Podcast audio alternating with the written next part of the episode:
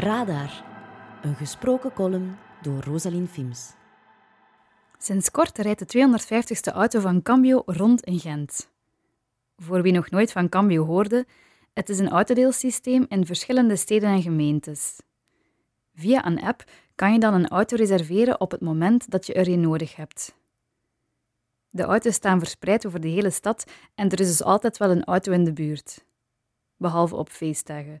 Dan heb je een auto nodig om naar je auto te geraken. Want alles is dan gereserveerd en de enige auto die nog vrij is, staat aan de andere kant van de stad. Maakt niet uit waar je woont.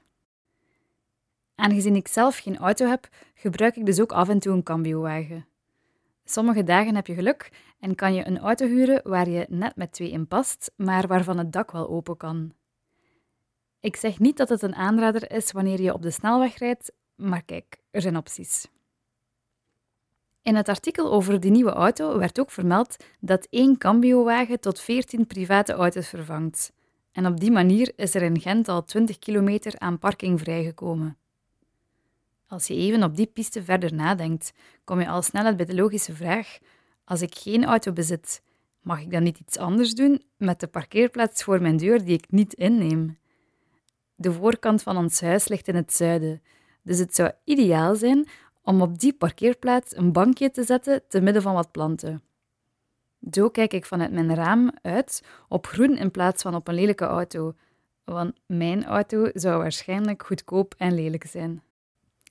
Ik snap wel dat een parkeerplaats niet constant bezet is door dezelfde auto, dus als het enkel gaat over die flexibiliteit, wil ik mijn constructie gerust op een aanhangwagen installeren en hem ook af en toe eens ergens anders naartoe rollen. 20 kilometer vrije parkeerruimte. Dat is eigenlijk echt veel, hè? In het artikel stond dat dit overeenkomt met de volledige Gentse stadsring die parkeervrij zou zijn, aan beide kanten. Maar toen ik twee weken geleden door de regen aan het fietsen was, dacht ik na over die parkeerplaats. De mensen die ik ken met een Cambio-abonnement zijn eigenlijk allemaal fietsers. Zij hebben dus ook al vaak in de regen gezeten.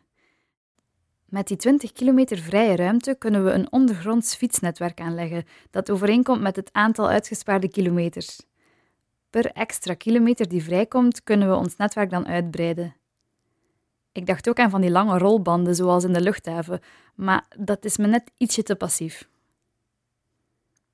Er is wel één nadeel aan dat hele autodeelsysteem. Ik weet exact hoeveel elke kilometer kost met de wagen waardoor ik uiteindelijk toch geneigd ben om de fiets te pakken als dat enigszins lukt. Twee weken geleden is er veel regen gevallen.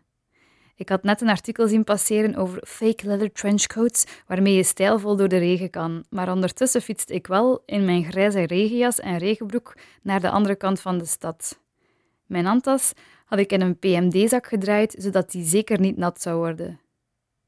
Er was weinig glamoureus aan de situatie. Terug thuisgekomen zag ik dat ze een groot fietsrek hadden geïnstalleerd in mijn straat.